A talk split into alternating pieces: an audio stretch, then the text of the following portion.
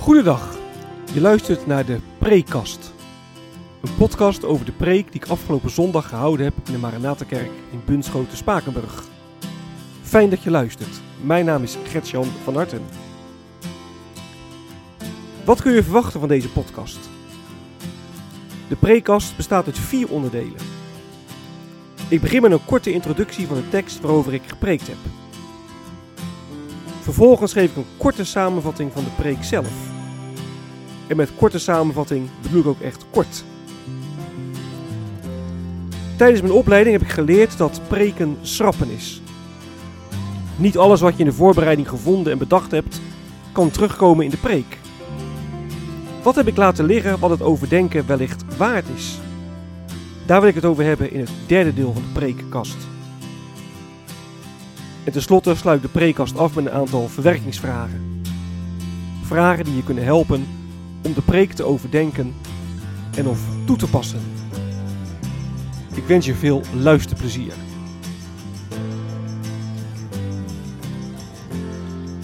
De tekst.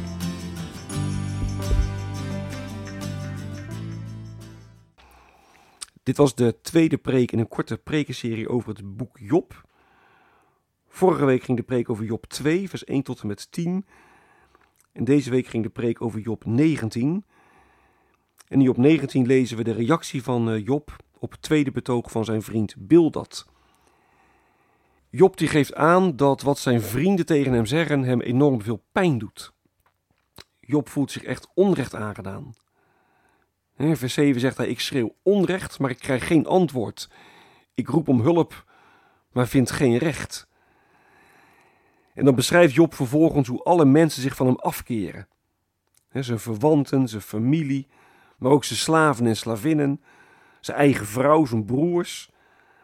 In vers 19 zegt hij dan ook: Ik word verafschuwd door mijn naaste vrienden. Ieder die ik lief heb, keert zich tegen me. Job voelt zich in de steek gelaten. En dan zegt hij: Ik zou mijn woorden, mijn verdediging, wel in een inscriptie willen vastleggen. Ik zou het wel in de rotsen willen bijtelen.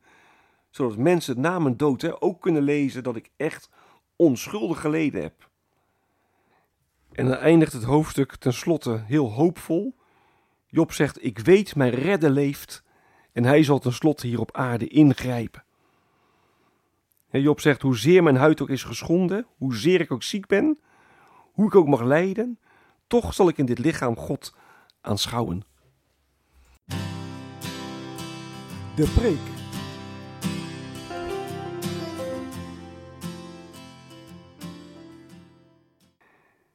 Het thema van de preek is als alles uit je handen wordt geslagen. Wat een drama was het toch voor Job. volgens Job 1 vers 3 was hij de meest aanzienlijke man uit het oosten. Hij was schatrijk, had een prachtig gezin, had alles heel goed voor elkaar. Maar toen Job getroffen werd door het leed, toen hij zijn rijkdom kwijtraakte, zijn kinderen verloor, toen hij ernstig ziek werd, en toen keerden de mensen zich één voor één af van Job. Ja, zo kan het gaan. Dat je lijdt, dat je het moeilijk hebt. Dat je keihard mensen om je heen nodig hebt, maar dat de mensen je in de steek laten. Zeker als je lijden langer duurt. Daar kunnen mensen vaak ja, heel moeilijk mee omgaan. En mensen kunnen je dan bewust of, of onbewust het gevoel geven van: kom op, hè, kijk ook naar je eigen rol in al het lijden. En daarmee ja, wordt je verdriet niet goed gepeld. En dan kun je daar ontzettend eenzaam onder voelen. Je bent onbegrepen en wordt je onrecht aangedaan. Je hebt een arm om je schouder nodig, begrip en meeleven. Maar je pijn en je verdriet, ja, die worden juist vergroot. En dan kun je je nog eenzamer voelen. Als alles uit je handen wordt geslagen, omdat iedereen zijn handen van je aftrekt. Nou, die vrienden van Job, die wisten het mooi te vertellen. En wat ze ook tegen Job zeiden, dat klonk ook echt, echt heel vroom en heel eerbiedig. En neem bijvoorbeeld uh, Elifas. Elifas die zei, die zei tegen Job, Job 4 vers 17 kun je dat lezen. Kan een sterveling rechtvaardig zijn voor God? Kan een mens smetteloos zijn voor zijn schepper? Jezus zeggen, daar kun je niks tegen inbrengen. Er is geen spel tussen te krijgen. Het klopt wat Elifas zegt. Maar tegelijk is dat ook het probleem. Want de vrienden van Job die maakten van God een, ja, een logisch kloppend systeem. En ze dachten precies te weten hoe het zat. Ze konden het lijden van Job haar fijn uitleggen. Ze konden het prima verklaren. Ja, de reacties van de vrienden die, die raken Job intens. In vers 2 zegt hij: Hoe lang nog martelen jullie mij met woorden? En zo ervaart Job het echt als een, als een marteling. De vrienden die, die duwen hem steeds verder in de put. En ze hadden ongetwijfeld goede bedoelingen. Ze dachten echt dat ze Job hielpen. En ze dachten echt dat ze heel eerbiedig over God spraken. Maar ze verzwaarden het lijden van Job. En ik merk in de pastorale praktijk dat dat op allerlei verschillende manieren kan gebeuren. En dan lijdt er bijvoorbeeld iemand. En dan zeggen mensen: ja, Je lijdt omdat je gebonden bent aan duivelse machten. Je moet daarvan bevrijd worden. En dan gaan mensen bidden. En dan verandert er niets. Ja, behalve dan dat degene die lijdt met nog meer vragen zit. ben ik dan in de macht van de duivel? Het was al donker in zijn leven, maar nu, ja, nu ziet hij helemaal geen hand meer voor ogen. Of dat mensen zeggen, ja, je lijdt wel, het is moeilijk, maar God heeft overal een bedoeling mee. En daar mag je dan troost uit halen. Terwijl dat de ander juist opstandig maakt en, denkt, en die denkt van zie je mijn pijn niet? Nou, in beide voorbeelden is het ongetwijfeld goed bedoeld en bedoeld om degene die lijdt te helpen. Maar dezelfde fout wordt gemaakt als de vrienden van Job. Mensen denken te weten hoe het komt dat iemand lijdt. Mensen denken precies de, de reden te weten. Met als gevolg dat degene die lijdt ja, zich nog eenzamer voelt, zich niet begrepen voelt. Het was donker in zijn leven en het wordt nog donkerder. als alles je uit handen wordt geslagen, omdat iedereen zijn handen van je aftrekt, zodat je geen hand meer voor ogen ziet, ja, dan kun je het alleen nog maar uit handen geven. En dat is ook wat Job uiteindelijk doet. Job heeft zich koortsachtig geprobeerd te verdedigen richting zijn vrienden, maar het lukte niet. En dan zie je in Job 19, vers 25 opeens een ja, bijzondere wending. Job zegt daar: ik, ik weet mijn redder leeft. Hij zal tenslotte hier op aarde ingrijpen. Het is alsof er in de duisternis een, lampje aangaat, een teken van, van hoop komt. Job zegt: Ik weet mijn, mijn redder leeft, mijn losser staat er. En een losser was iemand die opkwam voor zijn naaste verwante die in nood was. als een, een familielid bijvoorbeeld uh, zichzelf moest verkopen als slaaf, omdat hij in armoede leefde en zijn schulden niet kon betalen, dan kocht de losser hem vrij. hij zorgde dat de schulden van de familie betaald werden en ook dat het land in de familie bleef. Nou, Job zegt, mijn losser leeft. De levende God zal het voor mij opnemen. God die zal, zal mij redden. God zal ingrijpen. Ja, en wij weten dat, dat God heeft ingegrepen door Jezus Christus te sturen. En die kwam om alles recht te zetten, om recht te maken wat krom is. En Jezus kwam om het onrecht op zich te nemen en het weg te dragen aan het kruis. Nou, Job heeft het zwaar. Maar hij zegt, ik weet mijn redder leeft. Hij is er vast van overtuigd. Alles wat uit zijn handen geslagen. Iedereen trok zijn handen van hem af. Hij stond met lege handen. Hij kon helemaal niks meer. En daarom legde hij zijn handen in de handen van de levende God. Als je het zwaar hebt, als je bang bent dat je eraan onderdoor gaat, als alles uit handen wordt geslagen, omdat iedereen zijn handen van je aftrekt, zodat je geen hand meer voor ogen ziet, dan kun je het alleen nog maar uit handen geven en in vertrouwen in Gods hand leggen. En dat is wat Job doet. Job zegt in vers 26: ik, uh, hoezeer mijn huid ook is geschonden, toch zal ik in dit lichaam God aanschouwen. Nou, de vraag is even: doelt Job uh, op de opstanding uit de dood? Gelooft hij dat zijn lichaam op zal staan en dat hij dan God zal zien?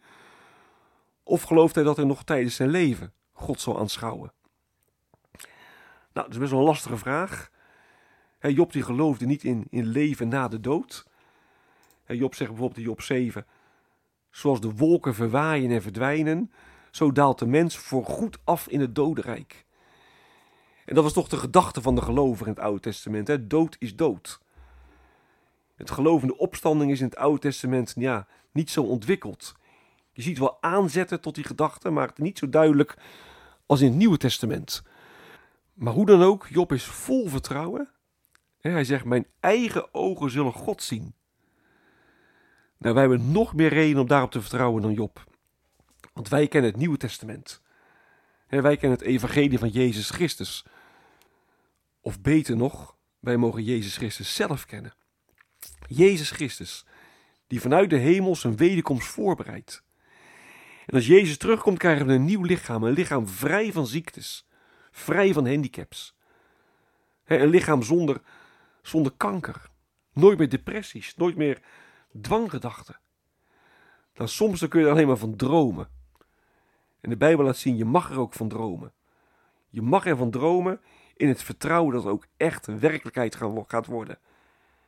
En daarom is het zo ontzettend belangrijk dat we altijd weer naar Jezus Christus kijken. Want in Jezus Christus zien we Gods liefde. En Jezus Christus nodigt ons uit. Hij zegt: Ik wil je bij de hand nemen. Ik wil je in het koninkrijk van mijn vader brengen. Ik wil mijn arm om je heen slaan en je kracht geven. En daar mogen we ook voor bidden. Voor onszelf en ook voor elkaar. Onze lege handen vouwen en ze laten vullen met, met de belofte van onze goede God. als alles uit handen wordt geslagen. Omdat iedereen zijn handen van je aftrekt. Zodat je geen hand meer voor ogen ziet.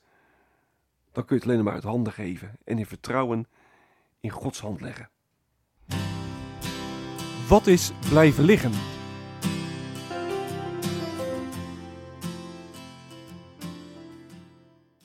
Wat betekent het lijden voor je omgang met God? Dat is een van de centrale vragen van het Bijbelboek Job. Ik heb dat in deze preek ook wel aangestipt, maar ik heb daar niet zoveel aandacht aan besteed als je wel zou kunnen doen. En dat komt omdat ik daar in de vorige preek, in de preek over Job 2, vers 1 tot 10, al uh, bij stil heb gestaan. Maar die vraag, hè, wat betekent het lijden voor je omgang met God, kun je ook heel goed stellen aan de hand van, van Job 19. In vers 11 zegt Job, de Heer heeft mij tot zijn aardsvijand gemaakt. in 25 noemt hij de Heer zijn redder. je kunt God als een vijand ervaren, als iemand die zich tegen je keert. En tegelijk ook als redder, als iemand die zich over je ontfermt. En dat kan heel verwarrend zijn, want het zijn godsbeelden die ja, haaks op elkaar staan. Maar kennelijk kunnen ze ook, ook, ook naast elkaar bestaan. Nou, wat betekent het nou voor je omgang met God? Daar zou je ook aan de hand van Job 19 een aparte preek over kunnen maken. Het tweede waar ik aandacht voor wil vragen heeft ook met vers 25 te maken. En als Job zegt: Ik weet mijn redder leeft, dan denken wij al heel snel aan ja, de redder van de zonde. de engel zei tegen Jozef: Maria zal een zoon krijgen. Je moet hem de naam Jezus geven, want hij is het die zijn volk zal redden van de zonde. Maar hier in Job 19 gaat het niet om redden van de zonde. Hier gaat het om het redden van het onrecht. Het onrecht dat de vrienden van Job, Job aandoen. En het onrecht van het onrechtvaardig lijden. En als Job zegt, de Heer zal tenslotte hier op aarde ingrijpen. Dan denken wij al snel aan ja, een soort profetie dat Jezus Christus komt om te sterven voor onze zonde. Maar Jezus die kwam niet alleen maar om te sterven voor onze zonde. Jezus kwam om het recht te herstellen. En ja, het sterven van onze zonde is daar een onderdeel van, absoluut. Maar het is veel breder. We moeten het evangelie niet versmallen. Niet versmallen tot de vergeving van zonde.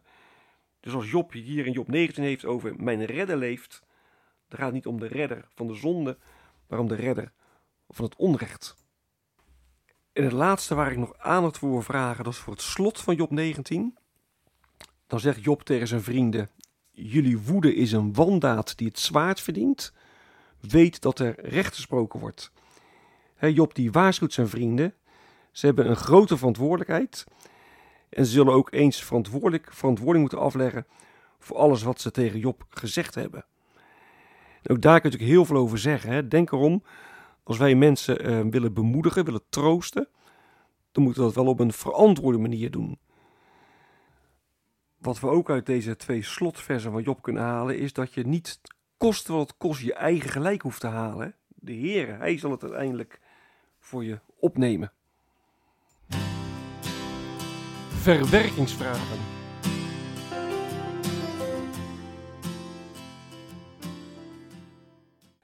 De vrienden van Job willen Job troosten, maar in plaats van dat ze Job troost bieden, eh, verzwaren ze zijn lijden ondanks al hun goed bedoelde en vrome woorden. En de vraag die dan boven komt is: hoe troost jij mensen die lijden?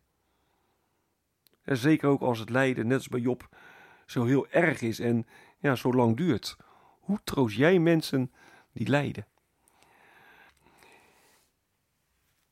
Job die zegt dat hij een aardsvijand van God is. God is een vijand voor hem. Tegelijk zegt hij ook: God is mijn redder. In hoeverre heb je dat herkenbaar? Dat je echt ja, op God op een verschillende manier kunt ervaren. De ene keer als vijand, de andere keer als redder. En wat betekent dat voor je omgang met God?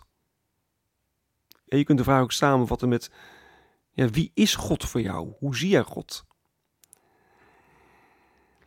Nou, in al het lijden spreekt Job zijn eh, vertrouwen uit, hè, vers 26. Hoezeer mijn huid ook is geschonden, toch zal ik in dit lichaam God aanschouwen. In vers 27 zegt hij, ik, ik zal hem met eigen ogen zien. daar vertrouwt Job ook. En mijn vraag is, kun je dat Job nazeggen? Als jij met lijden geconfronteerd wordt, kun je dan zeggen, en toch geloof ik, God zal ingrijpen. Ik vertrouw erop. Nou, in vers 27 staat Job hij smacht van verlangen. Smacht van verlangen naar, naar God, hè, die recht doet. En de vraag is, je, dat, herken je dat bij jezelf, dat verlangen?